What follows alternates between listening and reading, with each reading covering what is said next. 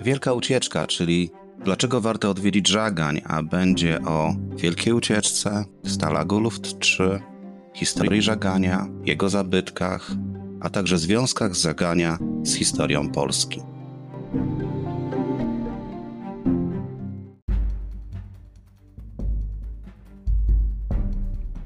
Ryszard Kapuściński powiedział: Wszak istnieje coś takiego jak zarażenie podróżą, i jest to rodzaj choroby, w gruncie rzeczy nieuleczalnej. Będzie to podcast o podróżach do miejsc niedalekich, o bogatej historii Polski i regionu, o miejscach osiągalnych dla każdego i o moich przemyśleniach w historycznych miejscach. Zapraszam, Marcin. Tematem odcinka jest Wielka Ucieczka, więc warto powiedzieć, czym ona była. Jest zima roku 1942. Niemcy zakładają na Dolnym Śląsku obóz jeniecki dla schwytanych lotników alianckich, później zwanym Stalag Luft 3. Stalag podlegał dowództwu niemieckich sił powietrznych. Lokalizacja tego obozu pod kątem ucieczki była fatalna. Znajdował się w dość wyludnionej okolicy, około 600 km od neutralnej Szwajcarii i 300 km od wybrzeża Bałtyku. Piaszczysty, sosnowy las, podwójne ogrodzenie, system mikrofonów miał uniemożliwić budowę jakichkolwiek podkopów. Tutaj należy wspomnieć, że lotnicy, a szczególnie lotnicy alianccy, cieszyli się osobistymi względami Geringa, który przecież sam był pilotem i asem lotnictwa z I wojny światowej. Gdyby nie opieka Luftwaffe, tylko innych służb Wehrmachtu, najprawdopodobniej do bezczelnych prób ucieczek by nie dochodziło. Te szczególne względy Geringa umożliwiały również dość częste kontakty jeńców z Czerwonym Krzyżem, który to przemycał narzędzia niezbędne do budowy tunelu. W obozie znalazła się elita alianckich armii oraz najbardziej pomysłowi ucieczkowicze, jacy trafiali do niemieckiej niewoli. Ci, którzy tam trafili, mieli na, na swoim koncie już dwie, nawet trzy ucieczki. Początkowo byli to tylko Brytyjczycy, jednak z czasem do, doszły do nich osoby z USA, Australii, RPA czy Kanady. W szczytowym okresie w obozie przetrzymywano około 10 tysięcy jeńców.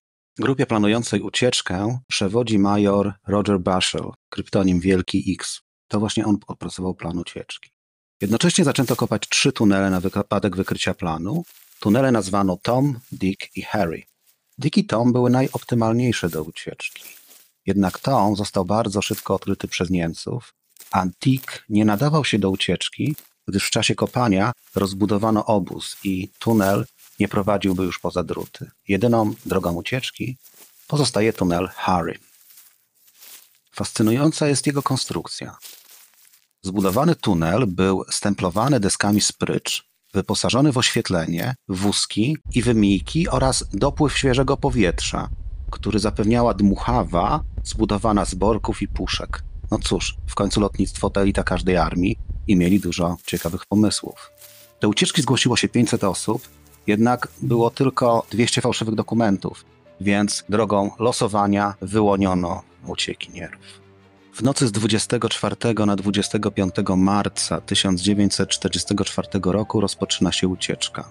Niestety tunel okazał się być zbyt krótki i pech chciał jednocześnie, że w czasie ucieczki ogłoszono alarm lotniczy.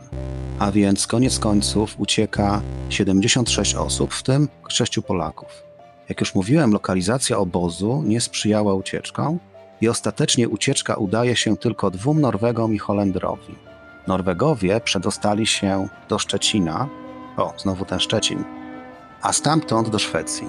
Holender Bram van der Stok przez Francję przedostał się do neutralnej wówczas Hiszpanii, skąd tam się, on się tam schronił w konsulacie i stąd szybko dotarł do Wielkiej Brytanii, gdzie uwaga, walczył w holenderskim dywizjonie 322, zajmując się zestrzeliwaniem pocisków V1 skierowanych na Londyn.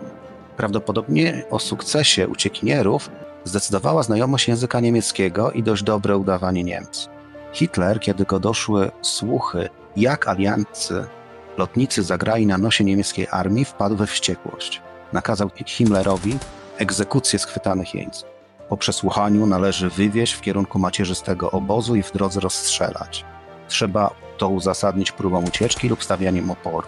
Nikt ze znajdujących się na liście nie może być ranny ani uratować się. Tak brzmiał rozkaz Ernsta Kaltenbrunera, szefa Głównego Urzędu Bezpieczeństwa Rzeszy. Dopiero osobista interwencja Geringa i Keitla zatrzymały ten rozkaz. Niestety, z 73 schwytanych uciekinierów zabito już 50. O Wielkiej Ucieczce oglądałem dwa filmy. Pierwszy, nakręcony w 1961 roku pod tytułem Wielka Ucieczka ze Steve'em McQueenem, Richardem Attenborough i Donaldem Prezencem w konwencji dość westernowej, pokazuje brawurową ucieczkę. Niestety niewiele dowiadujemy się z niego o losach uciekinierów. Drugi to Wielka Ucieczka 2, nieopowiedziana historia z Christopherem Reevesem, ojcem Keanu. Jest ona trochę bardziej realna. Pierwsza część filmu opowiada o samej ucieczce, a druga to losy uciekinierów, a także śledztwo prowadzone w sprawie zniknięcia jeńców. Co jest ciekawe, Donald Pleasence w drugim filmie nie gra jeńca, a bezwzględnego urzędnika gestapo. Nie można pominąć udziału pewnego Polaka, porucznika, nawigatora Włodzimierza Kolonowskiego, który dowodził grupą przygotowującą mapy, a także przygotowywał wejścia do tuneli. Wraz z Anglikiem Desmondem Planketem kierował grupą, która wykonała ponad 3000 map niezbędnych do planowanej ucieczki. Był on pierwowzorem postaci danego Welińskiego z filmu Wielka Ucieczka z 1961 roku, zagranego przez Charlesa Bronsona. Niestety, Polonowski znalazł się we wspomnianej grupie 50 straconych jeńców. Prawdopodobnie wraz z towarzyszami został przewieziony do Zgorzelca, gdzie osobiście przesłuchiwał go Wilhelm Scharpwinkel, szef wrocławskiego gestapo. Po przesłuchaniu wraz z ośmioma innymi jeńcami mieli zostać przewiezieni z powrotem do Żagania. Siedem kilometrów przed Iłową Scharpwinkel z podwładnymi rozstrzelał jeńców przy rzekomej próbie ucieczki i aby zatrzeć ślady, zwłoki spalono w krematorium w Regnicy. Urny przewieziono do Żagania, gdzie więźniowie Stalagu Luft zbudowali dla nich mauzoleum. Taka to smutna jest e, rola Polaka w tej całej ucieczce.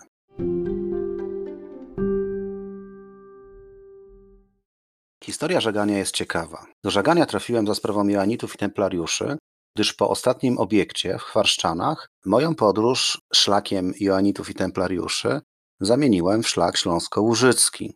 Obiecuję, że kiedyś opowiem o Joanitach i o Templariuszach, bo to kolejny ciekawy element naszych tak zwanych ziem odzyskanych. Tych, którzy szukają śladów polskości tych ziem, na pewno rozczaruje. Jest tu pewna historia piastów, e, niestety szybko zmięczonych, ponieważ książęta śląscy przejęli mowę niemiecką i w zasadzie to był ich język, którym się posługiwali. Potem książęta śląscy złożyli hołd królowi czeskiemu i to było w czasach trudnych dla Władysława Wokietka, który toczył kolejne wojny, bądź to z Brandenburgią, bądź to z zakonem krzyżackim, bądź to wojny domowe wewnętrzne o władzę. W tym czasie książęta śląscy składają hołdy lenne po kolei królowi czeskiemu, no, ale o tym za chwilę. Są to, albo były to ziemie zamieszkiwane przez słowiańskie plemiona. Istnieje również legenda, i tutaj będzie legenda o powstaniu Żagania, że Żagań został założony przez księżniczkę krakowską Żagannę, córkę Wandy, a wnuczkę króla Kraka. Po śmierci Wandy, co to nie chciała Niemca, Krakowie zapanowało bezkrólewie. Z obawy przed wrogami Wandy, wierny rycerz Kraka zabiera dziewczynkę i ucieka z Krakowa. Młoda księżniczka wzrasta, wykazując iście męskie cechy rycerskie i zbiera wokół siebie wiernych rycerzy. Podobno jest to dwustu wojów. Wszyscy myśleli, że Żaganna zaatakuje Kraków i odzyska tron dziadka. Właśnie w tym wieku 20 lat, kiedy, kiedy ona już zbiera tę drużynę z 200 wojów i ich rodzin, nakazuje się spakować swojej drużynie i szykować do drogi. Tak mówi Żaganna do swojej ekipy, swego gangu. Wiem, że wasze serca należą do Krakowa i że uważacie mnie za swoją królową. Jednak w Krakowie żyje mój lud z nowym władcą i jest szczęśliwy, a ja nie pozwolę, żeby lud walczył między sobą. My wyruszamy w poszukiwaniu nowego domu. I ruszyli nad zachód jak polscy osadnicy w 45. Karabiny i rusznice zostawili w cieniu drzew. No akurat wtedy ani karabinów, ani rusznic nie produkowano. Nawet nie wiem, czy w tym czasie produkowano, w tym czasie używano już kusze, no ale w każdym, ruszają, w każdym razie ruszają na zachód, znużeni podróżą zatrzymują się nad rzeką obfitą w ryby i bobry. więc rzekę nazywają rzeką Bóbr. Postawili, postanowili e, założyć gród i nazwać go Wandą, ale to stanowczo się sprzeciwili, sprzeciwili rycerze, ponieważ chcieli lud, na, e, gród nazwać od swojej przywódczyni. Więc od imienia Żaganna nazwali gród Żaganiem. Księżna Żaganna ma nawet w mieście swoją ulicę. Nad pochodzeniem nazwy debatuje się od lat. Germanofile niemieccy, ponieważ Żagań był przecież wiele, wiele, czas, wiele swojego czasu istnienia niemiecki, Germanofile twierdzili, że nazwa Sagan, bo taka jest nazwa niemiecka Żagania, że Sagan to kocioł, który stał na palenisku domowego ogniska germańskiej chaty. Ja na przykład osobiście skłaniam się do określenia pogorzeliska, do którego również nawiązują żary czy zgorzelec, czy zgorzałe. O, zgorzałe to jest takie fajne miejsce w powiecie stężyckim, gdzie moi teście mają domek, tak na Kaszubach. Początkowo Żagań funkcjonuje jako gród kasztelański i pojawia się w dokumencie Henryka Brodatego z 1202 roku.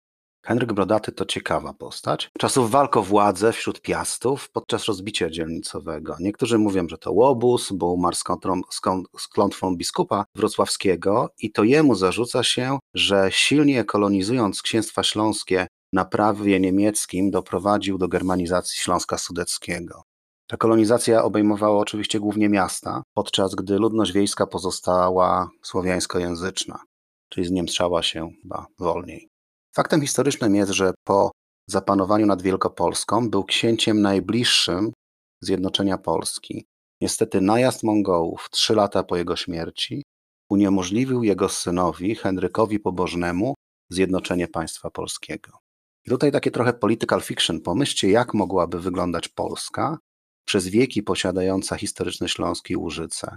Niestety tak nie wyszło, ale wróćmy do żagania. Gród nad rzeką Bóbr funkcjonuje strzegąc przeprawy na szlaku, intratnym szlaku łączącym Wielkopolskę z Niemcami. Najprawdopodobniej znajduje się w pobliżu obecnej wsi Stary Żagań, co potwierdza zachowany tam romański kościół. Grunt przenosi się powoli w kierunku historycznego centrum Żagania, dobrze się rozwijając, co powoduje, że książę Konrad I nadaje prawa miejskie. Nie wiemy, na jakim prawie te, ta lokacja miasta została dokonana. Najprawdopodobniej po nadaniu praw miejskich widzimy część geometrii miasta w obecnej postaci, czyli ulic, kościołów, murów miejskich czy ratusza.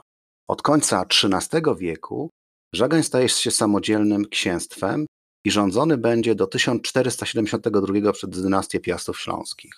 Konflikt między dziedzicami Jana Żagańskiego w latach 1461-1472 powoduje, że Baltazar Żagański, zwyciężając swojego brata Jana II Szalonego, sprzedaje księstwo Sason i Żagań jest rządzony przez pięciu książąt dynastii Wetinów. Wetinów, tak, tak, tych samych Wetinów, którzy zasiadali na tro polskim tronie i znacznie przyczynili się do upadku Rzeczpospolitej. Mowa tu o Augustie II Mocnym i jego synu Augustie III.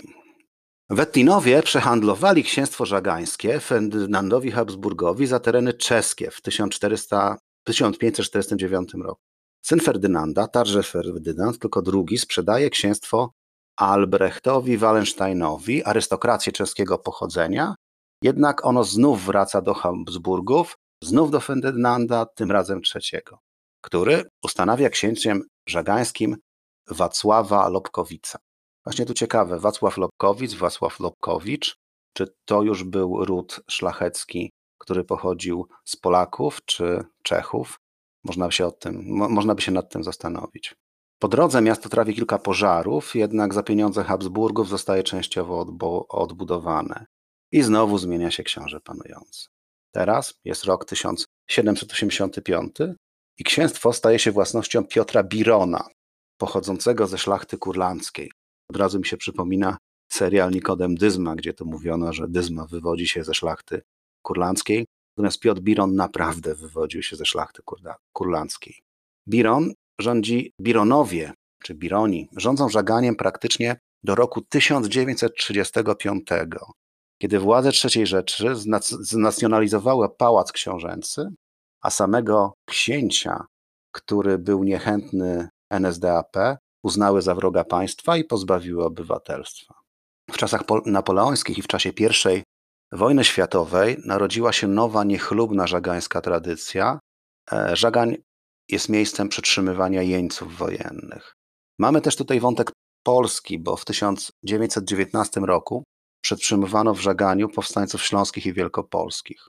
Obozy jenieckie w dużo gorszej formie funkcjonują również w czasie II wojny światowej. Zostaje utworzony w 1939 roku pierwszy stalag dla jeńców polskich, który w dość, e, którzy dość, w dość fatalnych warunkach są tutaj przechowywani. Jedną z ciekawostek jest to, że z żaganiem wiąże się historia Kazimierza Wielkiego, jednego, jednego z najwybitniejszych polskich władców. Do tego jest to władca dość nietuzinkowy, jeżeli chodzi o swoje kobiece podboje. Mianowicie Kazimierz Wielki, pigamicznie żonaty z Adelaidą i Krystyną Rokiczaną, poślubia trzecią żonę. Tak, trzecią żonę w tym samym czasie. Jadwigę Żagańską. I tak pisze o tym ślubie Paweł Jasienica w swojej książce Polska Piastów. Może się gorszyć kto chce. Trudno się jednak dziwić, że postać naprawdę niezwykła nie mieściła się też w powszednich ramkach. Nie wiadomo, kiedy rozszedł się Kazimierz z Krystyną i czy unieważniono ich stadło. W każdym razie w siedem lat później, 25 lutego 1363 roku, biskup poznański Jan Doliwa pobłogosławił we Wschowej nowy Związek Królewski. Tym razem z księżniczką śląską Jadwigą, córką Henryka, pana na żaganiu. Wszystko odbyło się w najściślejszej tajemnicy. Chyba słusznie, bo małżeństwo z żyjącą ciągle jeszcze nieszczęsną Adelaidą unieważnił papież dopiero w cztery lata później, jesienią 1367 roku. Jadwiga Żegańska urodziła trzy córki. Annę, zmarłą w dzieciństwie, Kunegundę oraz Jadwigę. Syna nadal nie było. Król Kazimierz cieszył się ciągle pełnią życia, ale dobiegał już sześćdziesiątki. Małżeństwo z księżniczką śląską było postępkiem z natury czysto politycznej. Chodziło nie tylko o upragnionego następcę tronu, zrodzonego z odpowiednio dostojnej matki. Brana była również pod uwagę konieczność wzmocnienia pozycji Polski na Śląsku. Ojciec Jadwigi, Henryk Żagański, to wnuk owego Henryka III Głogowskiego, który miał ongi dziedziczyć po Henryku Probusie i Przemyśle II. Zniemczony potężnie władał Żaganiem i księstwem głogowskim. Ziemie jego z jednej strony dotykały Wielkopolski, z drugiej zaś posiadłości Bolka II Świdnickiego, siostrzeńca i sojusznika króla polskiego. W ten sposób, dzięki kombinacjom wzmocnionym nowym małżeństwem Kazimierza, tworzył się na Śląsku blok sprzymierzonych księstw. Na wypadek wojny z cesarzem mogła Polska liczyć na co najmniej ich życzliwą neutralność. Więc tak kombinował Kazimierz Wielki i to były być może jego ruchy w celu odzyskania Śląska. Jak wiemy, Śląska nie odzyskał.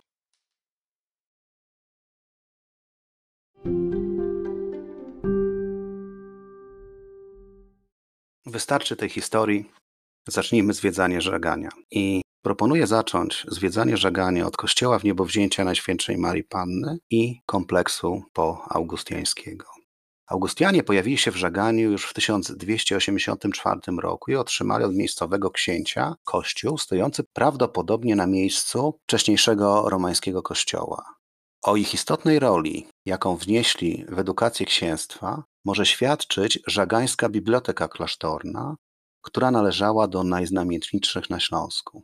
Znane było tutejsze skryptorium, w którym pracowali wybitni iluminatorzy, Henryk z Gubina i Marcin z Roudnic.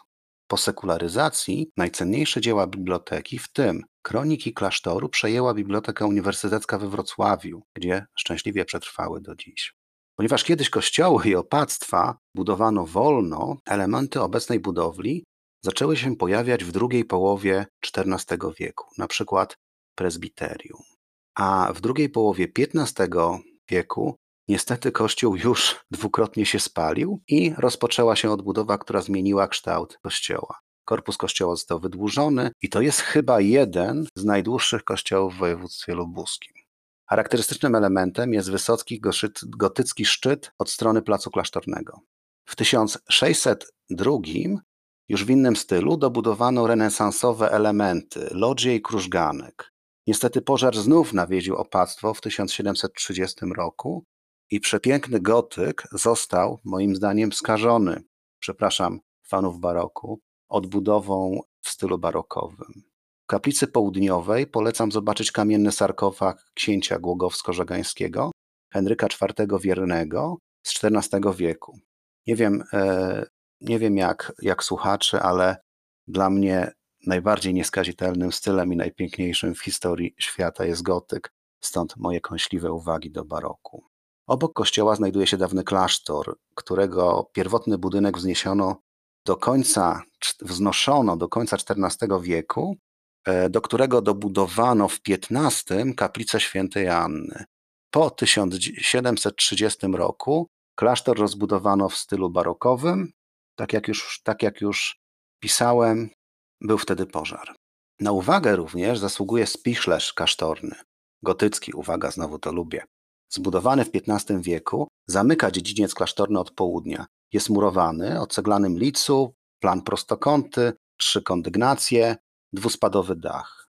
Od strony dziedzińca elewacje artykułują biegnące przez całą wysokość blendy, mieszczące trzy kondygnacje zamkniętych ostrych, ostrym łukiem okien.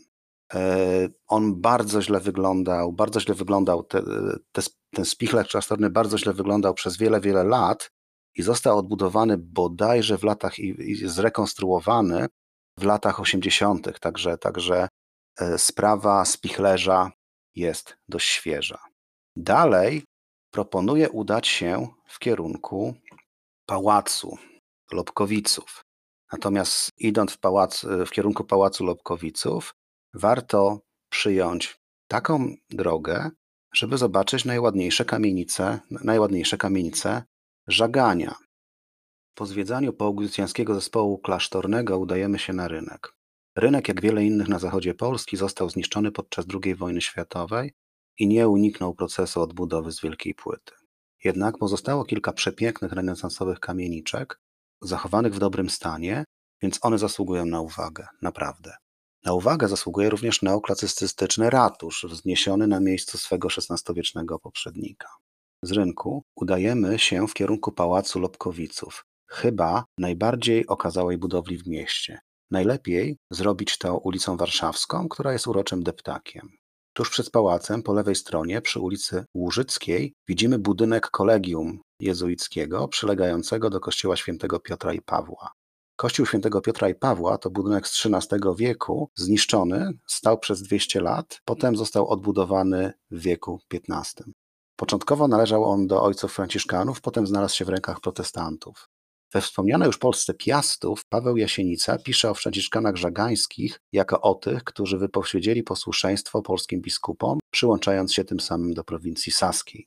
Potem pozostaje nam pałac Lobkowiców. Pałac został wzniesiony na miejscu średniowiecznego zamku piastowskiego z przełomu XIII i XIV wieku, a dokładnie 3 metry wyżej. Historia tego miejsca wiąże się z księstwem głogowsko-żagańskim. Wspomniany już Fryderyk II Habsburg sprzedaje żagań Albrechtowi Wallensteinowi, którego projektem była w 1627 roku wielka czteroskrzydłowa budowla otaczona fosą. Planie miała nawiązywać do gotyckiego zamku jako forma, forma architektoniczna, miała prezentować renesansowy typ rezydencji obronnej z typowej dla XVI wieku. Po śmierci Wallensteina budową zajmuje się już Wacław Eusebiusz Lobkowicz, nowy pan na Zamku Żagańskim. Tak powstają po kolei skrzydła pałacu, począwszy od 1674 roku. W 1786 roku pojawia się Piotr Biron, który przebudowuje pałac w ówcześnie panującym stylu klasycystycznym. Obecnie zamek jest udostępniony do zwiedzania, a znajduje się w nim obecnie Żagański Pałac kultury. Istnieje legenda o klątwie rzeźbiarza, który tworzył maszkarony pałacowe. Rzeźbiarz nie miał natchnienia, więc zawarł pakt z diabłem i diabeł obiecał mu, że przy każdym maszkaronie będzie pokazywał swą nową twarz. Przy ostatnim maszkaronie diabeł pokazał swoją prawdziwą twarz. Rzeźbiarz tak się przestraszył, że spadł z rusztowania i zginął. Dlatego w pałacu albo na pałacu nie ma maszkaronów. Co możemy zobaczyć poza historycznym centrum miasta? Przede wszystkim kaplice grobu Bożego. W Polsce mamy takie trzy i byłyby może cztery, ale źle poprowadziliśmy granicę i czwarta, blisko Zgorzelca, pozostała w Gerlitz. I to właśnie na bazie powstałej 100 lat wcześniej w Gerlitz zbudowano tę żagańską. Powstała około 1600 roku z inicjatywy żegańskiego opata zakonu Augustianów Jakuba Liebiga. Początkowo wchodziła w skład zespołu Grobu Bożego, jednak tylko ona się zachowała. Jeśli uda się wejść do kaplicy, możemy zobaczyć kilkusetletnie polichromie. Znajduje się na cmentarzu poaugustiańskim przy XV-wiecznym kościele nawiedzenia Najświętszej Marii Panny, zwanego także kościołem na Górce, to jest około dwóch kilometrów od historycznego centrum miasta. Powiadałem również o Starym Żaganiu i miejscu, gdzie powstał gród. Stary romański kościół, niegdyś pod wezwaniem świętego Wincentego, znajduje się w okolicy właśnie dawnego grodu żagańskiego. Kościół był kilkukrotnie niszczony i odbudowywany, przez co łączy ze sobą wszelakie style architektoniczne. Oryginalnie romański, ze sklepieniem gotyckim i barokowym ogrodzeniem. Według legendy powstał po tym, jak relikwie świętego Wincentego przekroczyły rzekę Bóbr. No i ta wieża, wieża, wieża Bismarcka. Powstałe w latach 1869-1934 były upamiętnieniem kanclerza Otto von Bismarcka. Takich wież powstało około 250 w Rzeszy, z czego na terenie Polski pozostało 17. Najbardziej jest mi znana wieża gocławska w Szczecinie, ale i Żagań ma swoją. Może nie tak sławną, bo nie odbyła się tutaj czarna msza, ale warte zobaczenia są wszystkie wieże, dopóki się nie zawalą, bo rana ochrony pamięci walki męczeństwa sprzeciwiła się ich konserwacji. Wieża znajduje się na drodze do Szprotawy. A teraz obozy jenieckie, aby spiąć odcinek klamrą. Historia żegania jest od XIX wieku nierozłącznie związana z istnieniem na jego obrzeżach obozów przeznaczonych dla jeńców wojennych. Najwcześniejszy ich rodowód to czas napoleoński, e, ponapoleoński, czyli rok 1813. Z tego okresu zachował się zdewastowany cmentarz żołnierzy napoleońskich. Wojna francusko-pruska także w podobny sposób zaznaczyła się w historii żagania, Kolejne zbrojne konflikty również nie obyły się bez żagania, stąd też cmentarze jenieckie z okresu I wojny światowej, które istnieją do dzisiaj. Ale prawdziwa tragedia dla żagania to czasy II wojny światowej, kiedy to Urząd do Spraw Jeńców Wojennych uruchomił tu kompleks obozów. W otwartym 1939 roku Stalagu 8C przetrzymywano około 49 tysięcy żołnierzy. Wielu z nich nie wróciło do domu, bo zmarli z głodu, chorób, a także złego traktowania.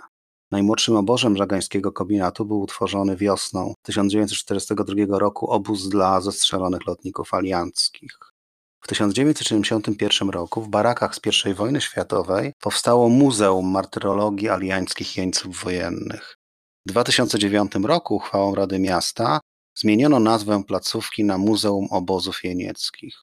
Możemy tam zobaczyć replikę baraku i wiele ciekawych eksponatów, a także posłuchać, i tu gorąco zachęcam, posłuchać fantastycznych przewodników.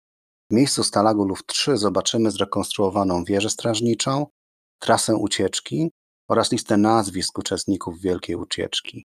Oba miejsca są obowiązkowe. Polecam.